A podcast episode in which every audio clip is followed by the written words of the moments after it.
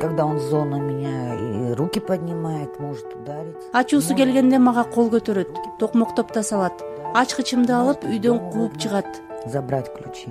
Асия күйөөсү тарабынан аялсыз зомбулук көргөн келин. Когда он проявлял агрессию күйөөм кол көтөрө баштаганда мен органдарга кайрылгам бирок эч кандай жардам алган эмесмин. Алар үйүңөрдөгү жаңжал турбайбы өзүңөр чечишип алгыла деп жооп беришкен. Качан өлтүрүп салса анан барабыз деген тамашаларын да угам слышал шутку когда убьют тогда приедем. Кызыл камчы күйөөсүнөн араң кутулган асия айтып өткөн милициянын жообу human rights watch уюмунун кыргызстандагы зомбулук астында жашап жаткан аялдар маселесине арналган соңку баяндамасынын темасы болуп калды. Human rights watch уюмунун изилдөөчүсү хилари марголис сизди өлтүрө турган болсо бизге чалыңыз деген тема пикирден тандалып алынбаганын кыргызстандагы он беш жаштан кырк тогуз жашка чейинки аялдардын кыздардын үчтөн бир бөлүгүнө үй бүлөдөгү зомбулук тескери таасирин тийгизээрин баса белгилейт. Уюм өкүлдөрү изилдөө учурунда кыргызстанда токсон аял зат менен интервью жүргүзгөн. Анын ичинде үй бүлөдөгү зомбулуктан жапа чеккен жыйырма сегиз адам тастыктагандай үй бүлөдөгү зомбулук негизинен аялдардын күйөөсү же өнөктөшү тарабынан ишке ашырылат бычак саюу муунтуу зордуктоо уруп сабоо эл алдында шылдыңдоо жана медициналык кызматтарга бөгөт коюу сыяктуу үй бүлөдөгү зомбулуктан жабыркаган аялдар баштан кечирген күндөрү тууралуу өзүлөрү айтып беришкен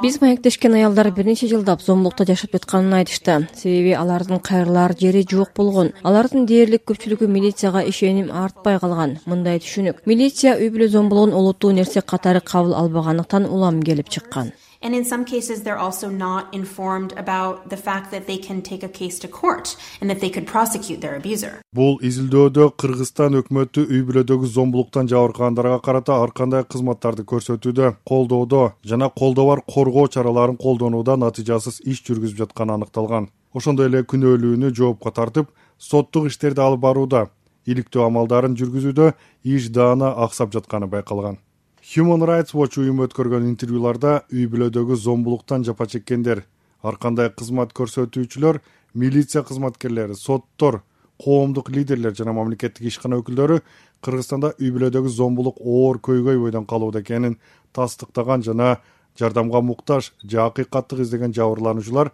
ар тараптуу тоскоолдуктарга дуушар болоору белгилүү болгон макаланын автору изилдөөчү хилари марголис кыргызстанда күч органдардын ишине да кылдат сереп салган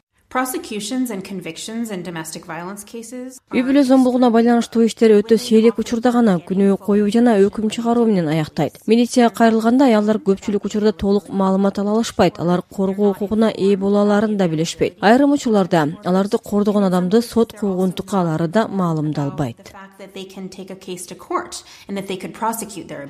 Дейт human rights watch уюмунун изилдөөчүсү хилари марголис кээде милиция чоң муштум эркекти эмнеге аял затына кол көтөрөсүң деп сурап калыштын ордуна кайрадан келтекчеген келинге келип арачы болгон учурлар жок эмес. Бишкектеги кристик борбордо баш калкалап жүргөн заринанын мисалы дал ушундай. Они женщин с такой проблемой алар зомбулукка кабылган аялды көңүл сыртынан эле кабыл алышат же келекелеген мамиле жасашат бир милиция минтип айтат. сиздин күйөөңүз сиз менен жашагысы келип жатат. Балким ага кайтып барасыз дейт может вы вернетесь поживете с ним? Зомбулуктан жапа чеккен аялдардын тегиз баары милицияга кайрылуу майнапсыз аракет экенин билишет дейт сезим кристик борборунун психологу наталья павлова многие говорят это ваше көпчүлүк учурда милиция айтат. Бул силердин өзүңөрдүн үй бүлөлүк ишкечиңер биз аралаша албайбыз деп. Демек милицияга кайрылуу бул майнапсыз жол. неэффективно э, обращение в милицию за помощью. Кадырман угармандар сиздер данисте түрмөгүнөн human rights watch уюмунун кыргызстандагы үй бүлөдө аялдарга карата зордук зомбулук темасына арналган соңку баяндамасы тууралуу угуп жатасыздар. Уктурууну мен сабыр абдымомунов алып баруудамын үй бүлөлүк зомбулуктан жапа чеккендер жардам алууда өз укуктарын коргоодо жана адилеттикке жетүүдө дагы башка тоскоолдуктар бар. Алардын бири психологиялык басынтуу кыргызстанда кыздар жаштайынан эле социалдык басымдоолоого дуушар болушат. Мисалы кандай болгон күндө да үй бүлөнү сактап калуу басынтуу элге уят болуу экономикалык жактан көз каранды болуу алсыз болуу айрыкча мамлекеттик каттоодон өтпөй турмуш кургандар элден чыгып калуу жана күйөөсүнүн өч алуусунан коркуу is a place where women face enormous pressure. изилдөөчү хиллари марголис үй бүлөдөгү зомбулуктан жапа чеккендер үчүн баш калкалай турган жайлардын жетишсиздиги укук коргоо органдары менен соттор тараптан эч кандай чара көрүлбөгөнү жардамдын жоктугу сыяктуу тоскоолдуктар зомбулукка туш болгон кыз келиндердин оозун тыйып чыдап жашоого мажбур кылат деп эсептейт өлкөдө аялдар эгер зомбулукка туш болгон учурун коомчулукка ашкере кылса анда үй бүлө бузулууга алып келет деген оор стигма бар. Бул стигманын тамыры өлкөдө эзелтен бери эле келген салттарда жатат дейт. Сезим кристик борборунун жетекчиси бүүсара рыскулова кыз бала чыдамкай болуш керек деген сөз ушул күндө да көпчүлүк үй бүлө тарбиясында байма бай айтылып келет. Потому что ссоры из избы нельзя было выносить надо было терпеть. Эмне үчүн дегенде чыр үйдөн чыкпашы керек чыдаш керек болчу. Бул кыздарды кенедейинен чыдамкайлыкка тарбиялоодон келип чыккан. Учурда зомбулукка кабылган аялдарга жардам берүүчү кызматтар борборлор таптакыр жетишпейт. Мисалы бишкек чүйдө миллион адамга бирин экин кризистик борборлор кантип жетиштүү болсун? Гранттар бүгүн бар да эртең жок. Эртең бул борборлор да иштебей калсачы. Они закончатся. Очень жаль будет э, что кризисных центры перестанут существовать. Якында операция болгонмун үйүм жок документ тапшырсам документим жок үйүм жок азыр квартира ош кырк жаштан ашкан үй бүлө кура албай калган аял учурда аргасыз коомчулукка кайрылып отурат. Колунда документи да жок. Үйдөн айдап чыгарышты эшигимден агам үйдөн кууп чыкты. Мага жардам керек. Акам айдап чыгарган үйдөн өзүм күйөөм жок ажырашып эл эмне дейт? Уят деп жашырып жүрүп эми ден соолуктан тайып жумушка жарамсыз болгон кезде бир тууган агасы үйдөн кууп чыкты. Насиба төлөкабылова аз кандуулуктан. Жүрөк оорудан бир аз басса эле калтырак басып тез эле демигип калат. Бул оорулар он жылдап туугандары тарабынан эртеден кечке эриң менен жашай албадың күнөө сенде деп жеме угуп басмырлоо кээде токмокко кабылып жүрүп пайда болгону бештен белгилүү. Акча берсе документ деяпты аны алып чыгып акча берсеңиз документ жасап беребиз деп жатышат. Документтерим июнь койгасында жоголуп кеткен эле. Ошондо да документ топтой албай мамлекеттен элүү миң сомдук жардам ала албай калгам. Кагаз иштерин жакшы түшүнбөйм.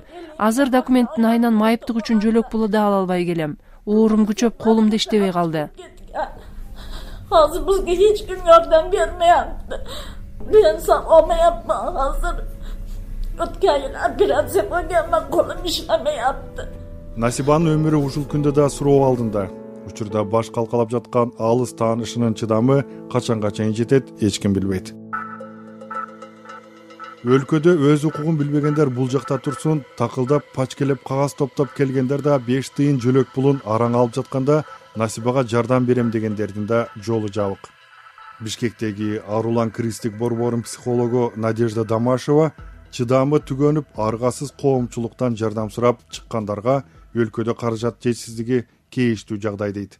Очень мало денег выделяется на үй бүлөлүк зордук зомбулукка деп аябай эле аз акча бөлүнөт. Кичи долбоорлор менен кантип таасир этмек элек баарынан өкүнүчтүүсү бир дагы мамлекеттик кризистик борбордун жоктугу. государственного кризисного центра. Эл аралык уюм кыргызстандагы үй бүлөдөгү зордук зомбулукту изилдөө үчүн азыркы учур өтө маанилүү деп эсептейт. Алар эки миң он бешинчи жылдын аягына чейин жергиликтүү серепчилер жана мамлекеттик кызматтар эки миң үчүнчү жылда кабыл алынган мыйзамдын ордуна келе турган үй бүлөдөгү зордук зомбулук тууралуу жаңы мыйзамдын долбоорун жогорку кеңешке алып чыгаарына ишенет. Жаңы мыйзам мурдагы мыйзамдагы коргоо жана оңдоо элементтерин сактап калуусу өтө маанилүү ошол эле учурда мурдагы мыйзамдын жетишпеген жактарын көрсөтүп мыйзамды ишке ашыруу механизмдерин да камтыш зарыл экенин белгилешет.